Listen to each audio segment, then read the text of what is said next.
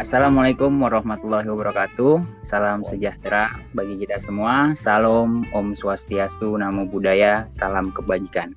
Dan yang pasti salam bela negara.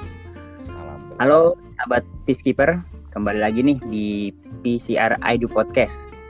Nah, di episode kali ini kita akan ngelanjutin lagi nih diskusi kita yang menarik tentunya. Tapi sebelum itu eh, kenalan dulu ya karena mungkin di telinga kalian masih agak asing nih suara saya. Kenalin saya Ganes Arpendia, saya asal dari Jakarta dan saya juga salah satu yang tertarik di bidang perdamaian dan resolusi konflik. Nah, tapi pada hari ini kita nggak sendirian nih. Saya juga kedatangan beberapa teman-teman yang nantinya akan menemani kita berdiskusi. Biar lebih kenal lagi ya, kita coba panggil satu-satu nih buat kenalan mungkin dari yang paling familiar nih yang udah sering banget ngisi podcast PCR. Bisa aja Bang Ane. Silakan Bang Pami. Siap. Yo sobat Peacekeeper. Bersama saya lagi Muhammad Fahmi. Kebetulan karena uh, memang saya juga sangat tertarik dengan bidang perdamaian dan resolusi konflik.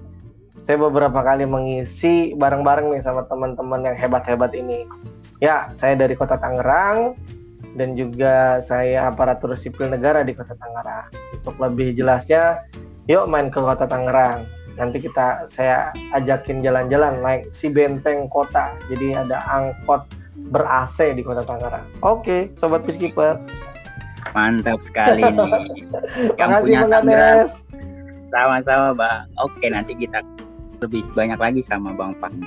Oke, yang kedua kita ke Bang Yudi kali ya nih abang kita juga nih dari mungkin masih dekat ya di Jakarta juga nih sama kayak saya. Silakan Bang Yudi kenalan. Assalamualaikum warahmatullahi wabarakatuh. Waalaikumsalam warahmatullahi Selamat apa nih ya malam ya atau siang sore pagi ah sama aja lah semuanya. Pokoknya saya adalah bagian dari kawan-kawan yang ada di Peacekeeper ini. Amanda, yang jelas saya adalah uh, bagian dari teman-teman yang ada di, di di DRK dan saya seorang apa ya yang jelas bukan seorang kapiten bang. Saya adalah uh, di Kementerian Agama sebagai konsultan atau konselor bang. Dalam keagamaan dan juga sosial kemasyarakatan. Alhamdulillah bang, saya ada di masyarakat ya masyarakat lah bang, anak bawahan, orang bawahan aman lah gitu aja. Kalau kalau kita Nes familiar yeah. manggil abang kita ini dengan panggilan Bang Haji Nes ya. Ya mantap karena dia betul banget tuh Bang karena, Haji karena ya, dia karena dia ngurusin surga salah satu yang ngurusin surga dan neraka nih. Ush, eh. dari Kementerian Agama ya. Iya. Ya, ya. Mungkin saya satu-satu ini bang dari Kementerian Agama yang pernah masuk di RK nih bang. Mantap, mantap, mantap, mantap. Ya, karena tujuannya satu, saya suka damai bang. Nah uh, itu ya. Saya nggak suka rese, makanya ketika ada yang rese, ada yang yang bermasalah, ya kita damain aja deh, biar masuk surga bareng-bareng gitu nggak? Masya Allah. Kan? Siap, mulia banget ya, Siap, Bang. Mantap, mantap bang. Oke, nanti kita lanjut, coba lanjut lagi bang ya. Next, next. Oke. Thank you. Oke, tadi dua orang cowok-cowok ya yang pastinya luar biasa. Dan kita juga punya cewek-cewek juga nih yang nggak kalah luar biasa ya mungkin ya. Coba kita ke Mbak Dini coba Mbak Dini. Kak Dini Mbak Dini ya sama aja. Silakan Mbak Dini. Saya Nisa Rahmadini biasa dipanggil Dini. Berasal dari Bengkulu sekarang tapi domisilinya di Tangerang.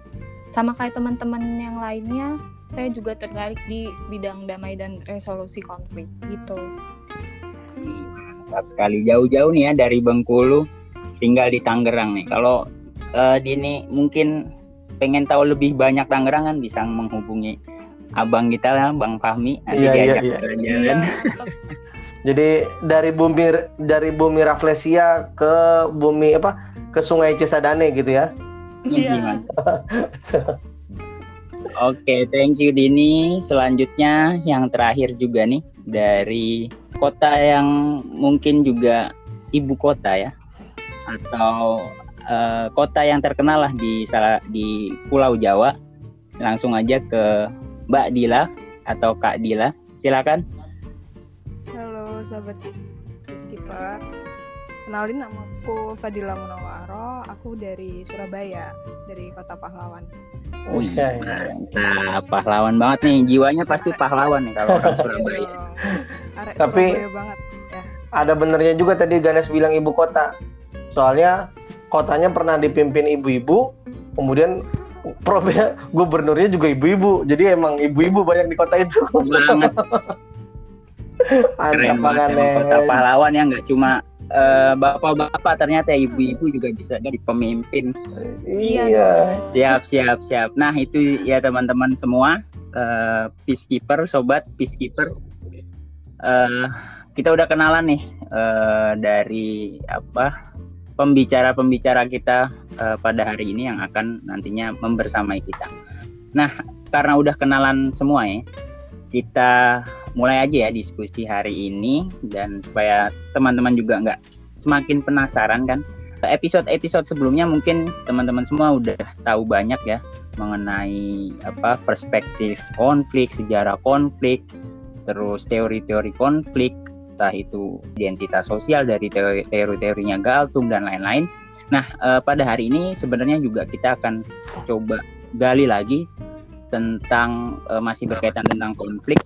Dan para pembicara di pada hari ini mungkin udah pernah ya ngelihat konflik atau merhatiin orang yang berkonflik paling real. Misalkan orang-orang yang adu mulut terus orang-orang yang sampai bahkan pukul-pukulan nah sebenarnya yang pertama coba kita gali dulu sebenarnya orang-orang seperti itu atau konflik yang seperti itu sebetulnya gimana sih kok bisa sampai adu mulut, pukul-pukulan dan lain-lain. Kenapa kok sampai bisa kayak gitu? Mungkin dari yang pertama dulu dari Bang Fahmi ya. Kalau dari pandangan Bang Fahmi gimana nih Bang ngelihat fenomena kayak gitu? Oke, Bang Anes dari DKI. Seperti apa yang sudah kita dalami sebelumnya dalam pertemuan-pertemuan sebelumnya kaitan konflik ini bahwa kita sudah mempelajari tentang teori kebutuhan dasar manusia sebagai organisme sebagai makhluk hidup mempunyai kebutuhan dasar, kemudian dia mempunyai sebuah identitas sosial. Dari identitas sosial ini menjadi manusia seutuhnya, manusia akhirnya mempunyai relasi antar sesama manusia. Nah, relasi sesama antar manusia inilah yang menimbulkan perbedaan pandangan atau bisa kita uh, sebut sebagai sebuah kepentingan. Nah, dari sebuah kepentingan ini perbedaan-perbedaan kepentingan ini yang menyebabkan konflik. Nah, dari situ Galtung itu menjelaskan dalam teorinya. Jadi ada teori namanya segitiga ABC Galtung. A, B, C itu A artinya attitude, B artinya behavior, kemudian C artinya kontradiksi. Kontradiksi berhubungan dengan konteks dan attitude berhubungan dengan sikap atas apa yang diterima. Kemudian behavior adalah perilaku seseorang manusia atas kepentingannya atau pencapaian kepentingannya. Di situlah dalam behavior komunikasi ini menjadi penting Bang Anes. Hmm, gitu ya. Karena apabila perilaku atau kepentingan manusia ini dilakukan dengan cara yang tidak baik akan menimbulkan sebuah konflik dan akan menimbulkan sebuah miskomunikasi antar sesama manusia, hmm. antar sesama individu, kelompok maupun bahkan negara. Itulah pentingnya salah satu pentingnya komunikasi dalam penyelesaian konflik. Begitu Bang Anes.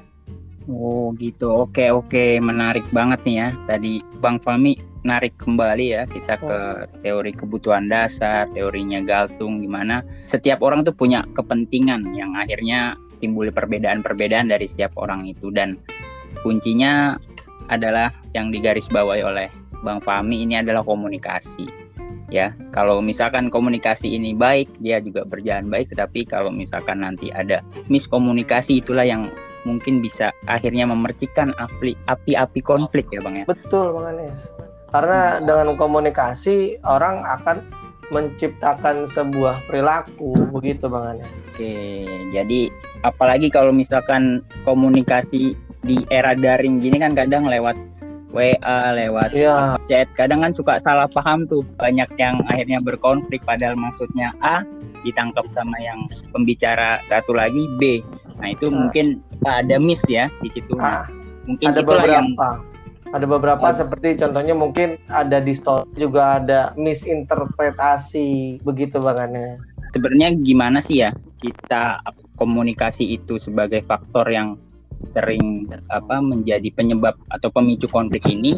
Nah, ngelihat sebuah komunikasi yang nggak sehat itu kayak gimana sih yang misalkan kira-kira wah nih komunikasi kita udah nggak sehat nih gitu. Karena kan pada kebanyakan orang kita tuh nggak sadar bahwa sebenarnya komunikasi yang kita lakukan ke orang lain itu bisa menyebabkan konflik-konflik gitu. Karena kan tadi ada kepentingan dan perbedaan dari diri sendiri gitu. Nah, sebenarnya bisa nggak sih kita ngelihat gimana komunikasi yang memang kiranya udah nggak sehat gitu.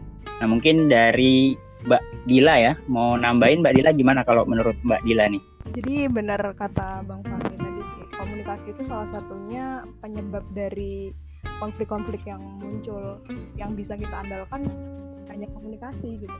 Gimana caranya apa yang kita sampaikan ke orang lain atau ke kelompok tertentu itu nyampe maksud yang kita inginkan gitu. Jangan sampai mereka jadi multi tafsir kayak gitu kan. Karena memang konflik-konflik yang membesar itu bisa berawal dari cara komunikasi yang salah seperti itu. Mungkin tujuan komunikasi di awal ketika saling mispersepsi dan ketika diluruskan itu inginnya menemukan jalan keluar tapi ketika komunikasinya tidak tepat itu menjadi masalah yang berbeda lagi gitu. Jadi uh, konflik ini tidak lagi reda tapi malah meningkat karena komunikasi yang salah gitu. Jadi kalau kita sendiri gitu ya uh, kita harus pandai mencerna dan memfilter gitu sih maksudnya orang ini nyampein apa sih ke kita gitu kan.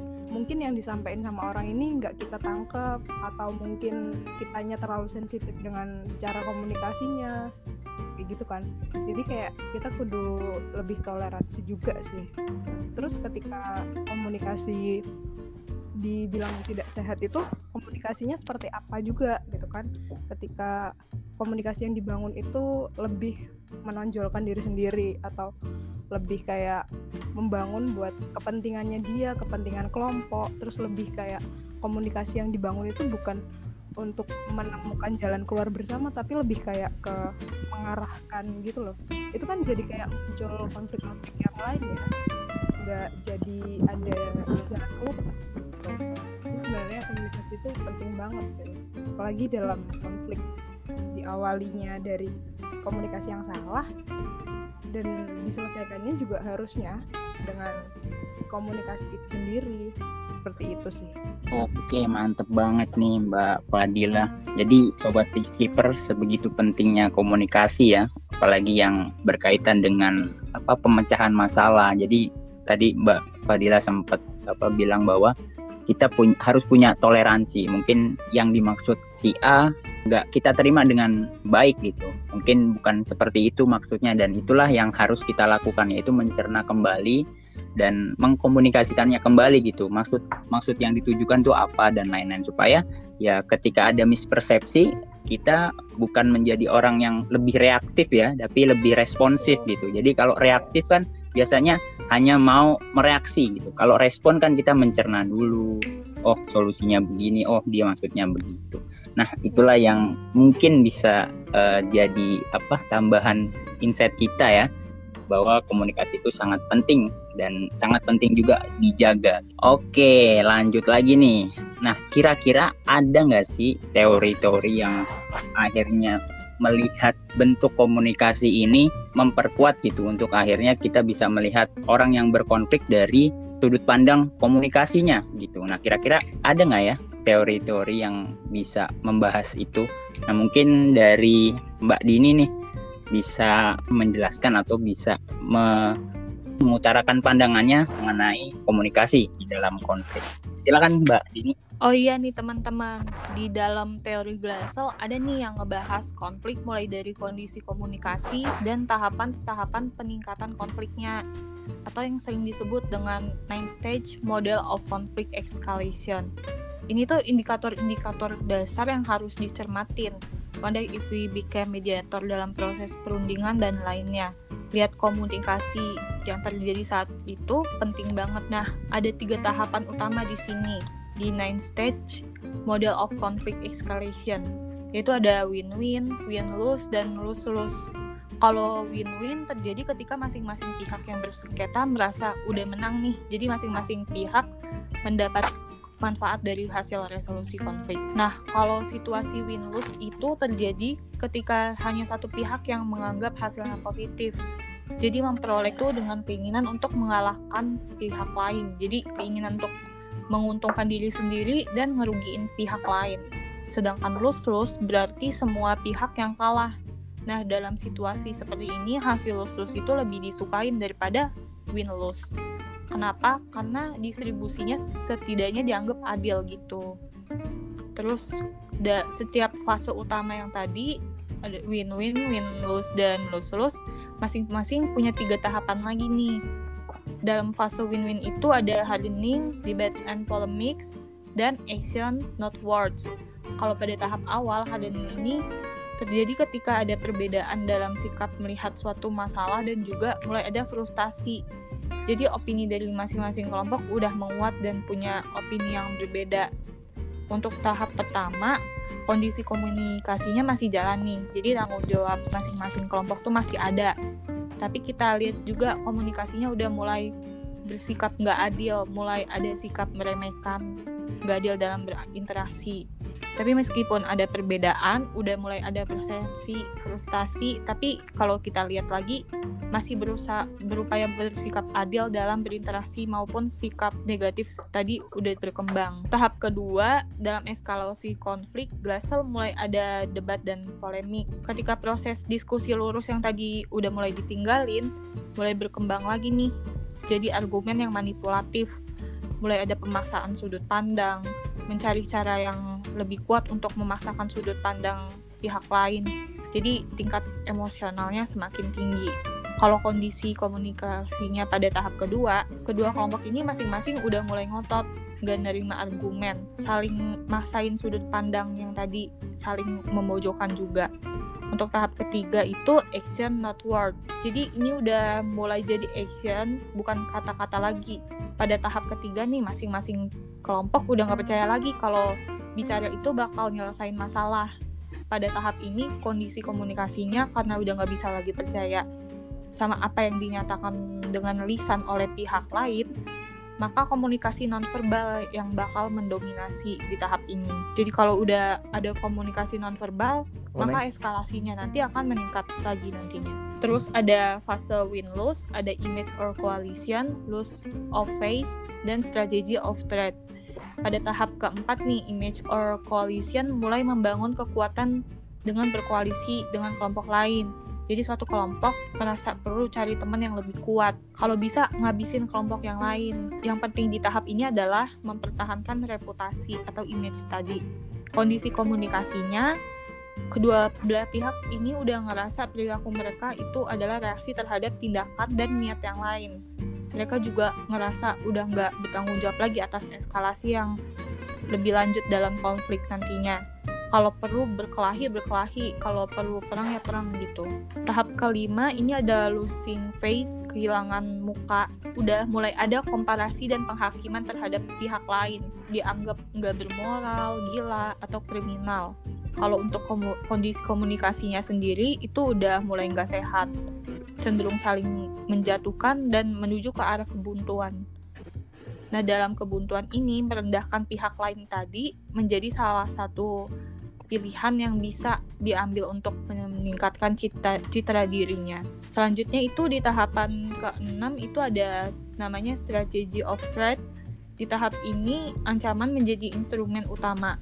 Maka pihak yang berkonflik berusaha mengancam dengan perilaku yang merusak supaya pihak lawan tadi bakal bergerak ke arah yang nggak diinginkan. kondisi komunikasinya di tahap ke-6 udah mulai stres tahapan agresif mulai udah nggak terkendali mulai kacau semakin kompleks disintegrasi pihak-pihak dan masing-masing kelompok udah bertindak sendiri-sendiri. Misalnya udah mulai ada bakar-bakaran dan lain-lainnya. Lalu fase yang terakhir itu ada fase lus-lus. Ini tahapan-tahapannya limited destruction fragmentation of the enemy, dan together into the abyss.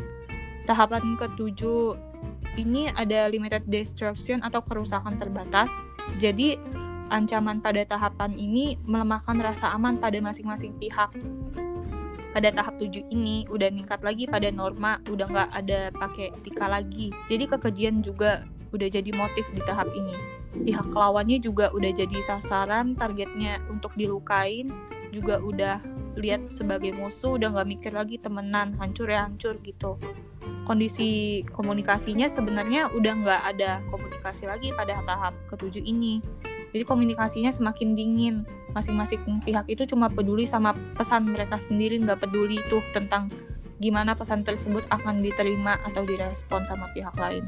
Tahapan ke-8, fragmentation of the enemy atau fragmentasi musuh itu suasananya udah makin kacau dan tiap kelompok udah tercerai berai.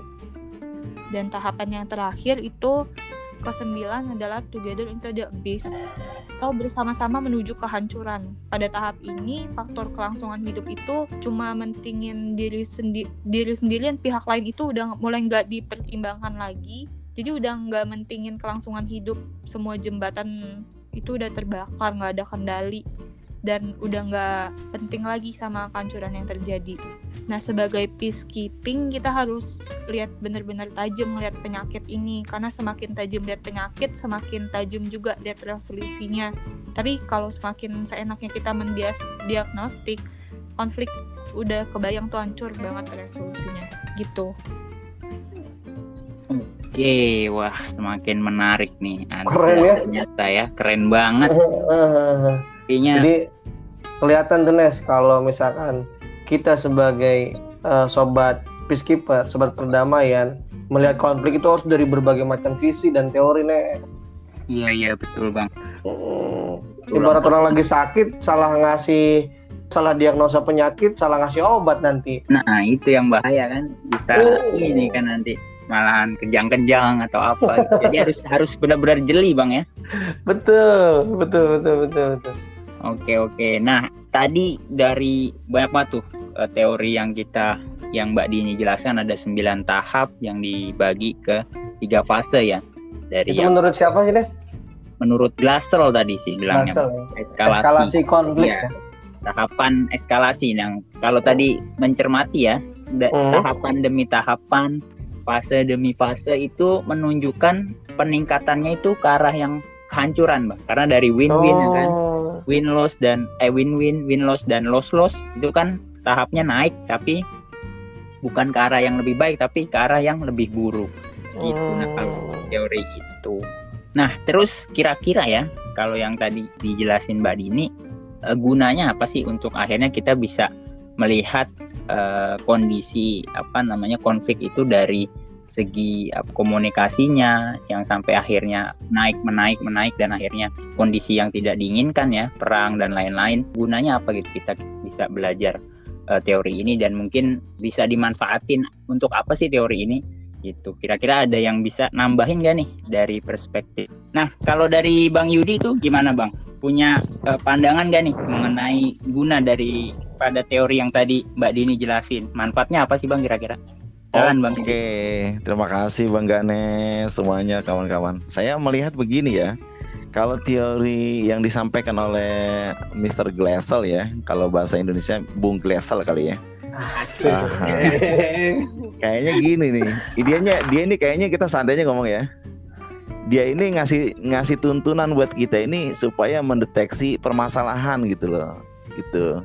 Jadi saya pernah dengar itu dari dari bos apa dari dari anu kita dari apa uh, dosen kita ya uh, bahwa ada teori itu ada diagnosa, ada prognosa, ada pengobatan ya, gitu kan? Nah, Iya, iya, iya. nah ini diagnosa ini kalau menurut saya nih, eskalasi ini Iya, diagnosa, ya. Nah nanti kalau ada prognosanya itu untuk eh, mengetahui bagaimana mengobatinya, cara eh, cara apa penanganannya itu, nah itu nanti penanganannya di yang kedua nih ada negosiasi, ada fasilitasi, ada dengan fasilitator, itu masih tahap 1 sampai 3 tuh masih bisa tuh, ya enggak? Benar enggak? Oh, jadi kalau Ah, misalkan ah. sampai di eskalasi ketiga Ah. tuh masih bisa, Bang. Iya, oh, benar. kita pakai pihak ketiga. Iya, masih bisa. Iya. Oh. Masih tahap win-win ya berarti ya. Orang-orang Win-win gitu. masih Karena pada adem lah ya. Masih Iya, bisa diajak komunikasi lah ya. Bener bang, cakep itu. Jadi ketika masalah itu, ibaratnya belum belum ada korban bang, gitu ya. Oh, Nah, iya, iya. baru iya. baru ngotot-ngototan doang gitu ibaratnya gitu ya. gitu kalau gue lihat ya. Bener nggak ya kan? Betul, betul, betul. Ah, Setuju, setuju. jadi bisa diatasi dengan negosiasi, dengan fasilitator atau fa- memfasilitasi. Ini apa sih masalahnya gitu kan? Gitu lihat. Jadi merasa akhirnya dua-duanya merasa menang gitu, win-win kan? Oh, Oh, iya, win solution ya. Tapi bang kalau udah sama tahap 4 sama 5 6 tadi disebutin sama Mbak Dini itu ya. Ya enggak? Iya, Mbak ya. Dini itu nyebutin itu udah Iya. tahap pertengahan itu, tahap pertengahan Oh. sel itu. Karena kalau Oh. dilihat garis besar itu ada tiga tahap besar itu sebetulnya harapan Oh. win-win, harapan uh, win lose, ah yang terakhir itu harapan lose lose yang udah nggak ada, udah nggak ada ini lagi permasalahan. Harapan yang- lagi lah itu, Mas. Hmm, ya. Yang kedua nih saya gue ngomong nih, kalau yang kedua ini masih bisa dipermasalah, masalah ini masih bisa kita apa? Masih kita bisa selesai nih dengan cara apa? Oh. dengan cara yaitu adanya konsultasi pihak ketiga yang netral maka disebut dengan Oh. eh, adanya mediasi bang Mediasi dari pihak lain Mediasi. tapi netral tuh dia nggak ikut A, nggak ikut B. Heeh. jadi nanti ada yang merasa kalah ada yang merasa menang wajar lah karena permasalahan Oh. udah udah berat tuh bang penyakitnya udah mulai kompleks tuh Nah, nah, gitu maksudnya iya yang yang penting damai lah pokoknya ya. sama ya udah ada yang kalah wajar lah ya karena ada ada mediasi nah Ya, ya inget tuh dulu teorinya siapa yang damai negatif gitu kan. Mm-mm, ada namanya damai positif, ya kan? Jadi Ah. bukan bukan corona aja ada negatif positif bang. Oh, Iya. damai juga ada negatif positif ya. Ada aman Iya bang. iya iya iya iya iya. Ketika damai, ketika damainya itu ada negatif, maka aman tuh kan ya. Jadi nggak Hmm. diisolasi mandiri kan? Iya iya iya iya iya. iya. ketika Iya, iya. damainya positif, wah ini bahaya nih. Jadi kan ada masalah di sini ada yang nggak nggak Hmm. damai lagi maksud gitu ya. Konflik ada positif. Baik, ada yang yang terakhir mungkin saya nih ya bang ya, yang berkaitan Hmm. dengan tahap yang tadi disebutin Mbak Dini ini ya, yang lus-lus ya, Mhm. yang 7, 8, 9 itu kan sebetulnya di, dirangkum menjadi lus-lus. Walaupun mereka itu nanti akhirnya gimana deeskalasi, turun lagi permasa eh, apa? turun lagi konflik, itu tetap aja ketika sudah sampai lus-lus itu semuanya udah nggak ada apa? nggak ada yang menang, Bang. Nggak ada yang menang. Itu. Jadi masalah udah kacau lah ya, udah Kacau, sama-sama. Selainnya kalau kalau Mm-mm. ibarat kata orang lagi debat mah sama-sama ngangkat kursi nih ya. Ya, itu udah bukan kata lagi, Bang, lempar-lemparan, Bang. Oh. itu 89 tuh lempar-lemparan, Bang. Itu 7 itu Oh. udah siap ngangkat. Nah, tahap Oh, 8 iya, lempar-lemparan. Tahap 9 yang dilempar udah orangnya udah nggak ada, cuman bapaknya doang bergerak. Bangkunya pada melayang ya. iya, orang udah pada mati semua tuh, beresnya gitu kan. Iya, iya, iya, perang iya, gitu. iya. Maka yang ada itu kan arbitrasi kan, arbitrasi atau adjudikasi ya kan. Nah, di situ nanti ada intervensi kekuasaan dari pihak yang mungkin seperti kayak negara-negara yang adidaya itu akan akan berpengaruh di situ, menguasai. Saya kira di situlah atau pihak Tapi- yang hmm, gitu, Bang. Menarik loh Bang Haji. Jadi sebenarnya Glazel ini secara nggak langsung memberitahu kita cara bagaimana kita mendiagnosa, prognosa dan memberikan obat ya. Nah, itu. Oh iya Bang. benar juga ya. Mm-mm. itu kan tahapan yang disebut dengan Pak apa itu Pak Profesor Isan Malik kan itu dari dari apa dia itu kan dari dari anu juga dari Johan Galtung juga kan Oh. Johan Galtung mengatakan bahwa ketika eh, kasus atau konflik itu harus dilihat dari seperti seorang dokter kan Mhm. tuh ada diagnosa melihat dulu ini apa sih masing-masing penyakitnya dilihat dari dari orangnya itu yang bermasalah Mhm. itu itu kan posisi peacekeeper di situ gitu kan kita sebagai Berarti- dokter Bagus banget nih buat sobat peacekeeper nih pengetahuan ini Bang Haji. bukan bagus lagi bang makanya kita ngambil damai resolusi konflik bang kita semua ini betul betul betul betul iya. Gimana Ganes? Cukup Oke, dah mantap, cukup bang. mantap mantap. Kalau ini keren banget nih penjelasannya dari Bang Yudi ya. Ternyata iya. selain tadi kita melihat bahwa konfliknya itu bisa dilihat walaupun dari tahap yang paling kecil sampai hmm. tahap yang paling besar itu buruk hmm. tetapi dia juga nawarin ya kan solusi yang bisa ditempuh dari setiap tahap itu. Nah mungkin kalau kita tadi secara teori udah tahu nih konflik-konflik yang memang bisa dilihat dari segi komunikasinya dan cara penanganannya penanganannya. Nah kira-kira kalau kita tarik lagi nih eh, apa namanya eh, konflik ini teori konflik ini uh, di teori-teori yang memang atau konflik-konflik yang memang ada di Indonesia tuh sebenarnya ada di tahap apa ya? Kalau misalkan kita contohkan misalkan di kasus konteks Papua ya. Kalau kita tahu kan Papua ini masih uh, berkonflik ya masih memanas lah sampai sekarang di Indonesia kalau dari sepenglihatan teman-teman semua nih kira-kira ada di tahap apa nih kalau di konflik Papua itu sendiri silakan mungkin ada yang mau uh, ngasih pandangannya Sebentar Nes. Tadi sih kalau aneh lihat nih yang hmm. uh, apa biasa mendiagnosa nih dokter Dini nih. saya bilang dokter Dini karena Mantap. karena Dini yang memahami kaitan eskalasi ini ada tingkatan-tingkatan konflik. Menurut Dini bagaimana nih dia? Kalau oh, Papua kalau, Din? Iya, kalau misalkan konflik di Papua ini kita udah bisa masukin itu ke tahap ke-6 yaitu strategy of threat. Oh. Nah, itu ancaman hmm. itu udah jadi alat utama yang dipakai pada tahap ini. Pihak yang berkonflik juga udah berupaya berupaya mengancam pihak lawan kayak se dari kelompok separatis akhirnya lakuin aksi penembakan, pembunuhan dan perusakan.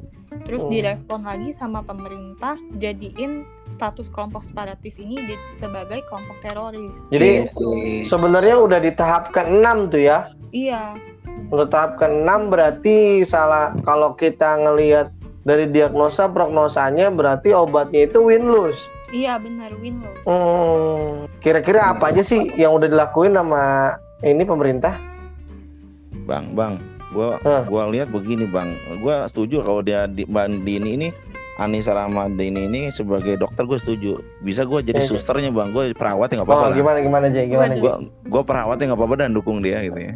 Nah, gimana aja gue sebenarnya lebih suka jadi gini sebetulnya ada yang kalau gue sih beda-beda sih uh, posisinya bang. Ketika separatis itu ada di tahap keenam bolehlah itu kita anggap uh, posisi yang sudah mereka itu mengacaukan ada ada yang dirugikan tapi di posisi yang lain ketika masih perbedaannya bertahap ya masih bentuk-bentuk misalnya suku atau apa gitu atau masih disintegrasi apa pemahaman Melanesia Melanesia gitu berkaitan dengan itu atau penghinaan atau apa itu masih tahap-tahap kecil sebetulnya bang masih tahap dua oh. tahap tiga itu kalau menurut gua sih tapi kalau hmm. yang kalau dia dari separatisnya jadi jadi sebetulnya fluktuatif artinya nggak nggak semuanya yang ada di apa tuh yang di, di Papua itu tahap 6 kalau gua gitu ya. Hmm. Jadi yang... uh, sobat okay. peacekeeper Bang Haji ini karena asli Jakarta, dia anak hmm. gaul Jakarta, maksud gue lu nih bukannya kasar ya? Gue oh, lu ini iya, karena iya. bahasa sorry. gaul Jakarta nih. Sorry sorry bang. Mati ya bahasa gaul ya. Ah, bahasa gaulnya emang dia dari kecil di Jakarta dia orang Jakarta asli nih. Aduh. Hmm. sorry sorry. Ya silakan Mbak Dila mau nambahin ya mau nambahin aja sih. Kalau kata Bang Yudi tadi kan emang konflik di Papua itu emang nggak bisa ditepuk rata di tahap 6 sih. Karena memang kan di situ ada konflik uh, kepentingan ya. Maksudnya kelompok-kelompok separatis yang mereka uh, ingin memisahkan diri dari Indonesia gitu. Dan itu tuh memang uh, kalau ta di tahapan konfliknya udah di enam karena apa? Karena kelompok mereka kelompok separatis itu udah bener-bener ngancem gitu loh ke pemerintah Indonesia benar-benar ngasih kayak ancaman yang eh, nggak uh, main-main ya mereka udah berani kayak ngebunuh mereka udah berani kayak uh, nyerang duluan kayak gitu-gitu terus merusak fasilitas-fasilitas kayak gitu kan. Karena memang uh, apa ya mereka uh, tidak merasa puas gitu sama apa yang ap, keputusan yang dikasih sama pemerintah pusat gitu. Beda lagi ketika uh, permasalahan diskriminasi Papua gitu kan. Diskriminasi suku yang ada yang uh, orang Papua itu kan mereka mengalami diskriminasi ketika mereka pergi ke luar daerah gitu pergi dari Papua gitu kan. Seperti beberapa konflik yang ada di Surabaya Malang Jogja kayak gitu kan. Itu uh, apa ya kan munculnya karena uh, stereotip masyarakat gitu ya. Nganggap orang Papua itu keras nganggap orang Papua itu gak bisa diatur kayak gitu-gitu. Jadi kayak hmm, secara nggak langsung itu masyarakat di wilayah tempat itu kayak ya justifikasi ngejudge udah ngejudge orang-orang Papua gitu kan. Nah itu kan hal itu yang uh, mulai uh, mereka suarakan gitu kan kemarin di tahun 2019 aja ketika apa ada masalah yang di Surabaya itu itu benar-benar kelihatan banget loh diskriminasi dari masyarakat setempat buat apa mahasiswa Papua di situ gitu kan. Sebenarnya mereka uh, tidak melakukan apa-apa tapi tiba-tiba dituduh seperti itu yang menjatuhkan tiang atau merob apa membuang bendera merah putih ke selokan. Padahal uh, ketika pemeriksaan di Polrestabes itu mereka tidak tahu menau gitu kan. Di situ pun itu yang memicu konflik di Papua itu tersulut gitu. Karena kayak benar-benar mereka ngerasa masyarakat Papua ini benar-benar disingkirkan gitu loh. Jadi uh, ini dijadikan alat sama kelompok-kelompok kepentingan kalau uh, lihat deh orang-orang Papua itu benar-benar tidak diinginkan kayak gitu loh Oh. Jadi, jadi stereotip itu sengaja ditimbulkan supaya iya. menjadi sebuah prasangka bagi seluruh masyarakat yang akhirnya menimbulkan diskriminasi. Maksudnya begitu kali ya, Kak Dila ya?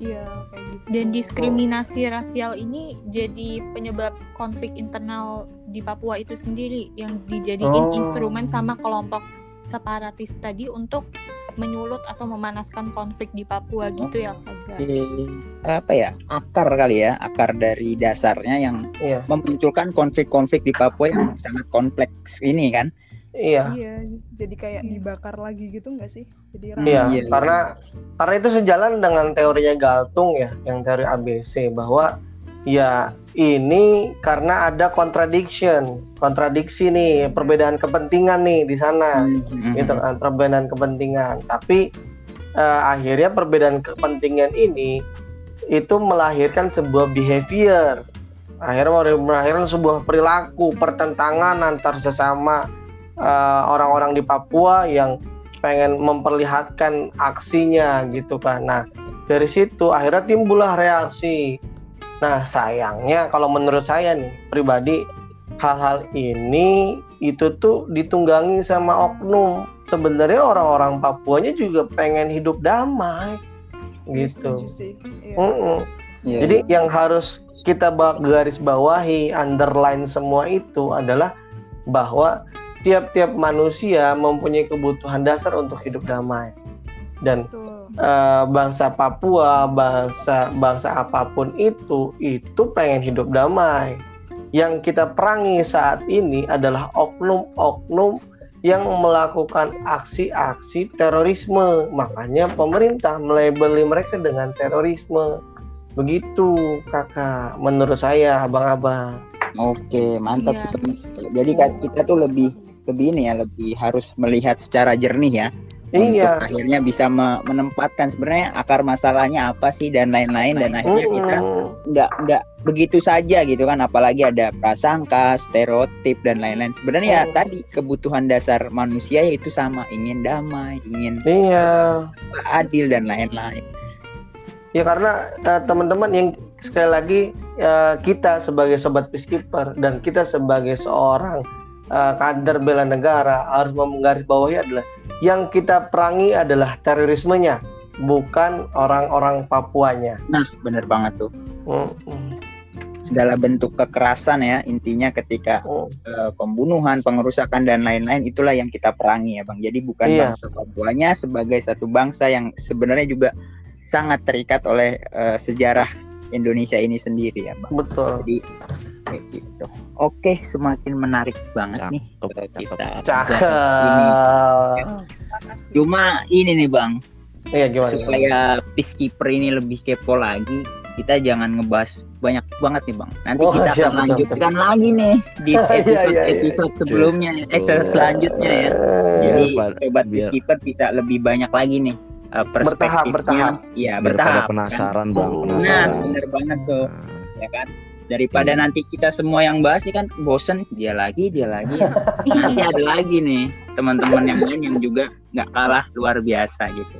Siap. Oke, Sobat Peacekeeper, makasih banyak nih buat eh, teman-teman semua, abang-abang, kakak-kakak, mbak-mbak yang udah eh, join hari ini dan bisa apa namanya sharing apa namanya pengalamannya, pengetahuannya buat Sobat Peacekeeper semua. Semoga apa yang kita diskusiin di sini bisa diambil gitu ya manfaatnya dan bisa eh, ya dilakuin lah kecil-kecil, dicoba dan lain-lain dan akhirnya kita bisa jadi apa ya eh, agen-agen perdamaian lah ya Ya. yang Siap, akhirnya siap. bisa. Berkontribusi gitu. Amin amin. amin. Amin. Oke, mungkin sekian saya tutup ya teman-teman Ya. semua. Dari saya sebagai moderator kurang lebihnya mohon maaf. Salam bela negara, salam damai sepanjang masa. Oke, dadah. Amin. Ya, Dadah. jangan lupa Dadah. subscribe, eh subscribe. Jangan Follow, lupa follow, follow, subscribe. follow. Dengarkan, dengarkan, Follow, dengarkan. subscribe, dengarkan, Follow dan dan sabar sebarkan. mendengarkan. Sabar mendengarkan biar damai. Sabar, Sabar, sabar.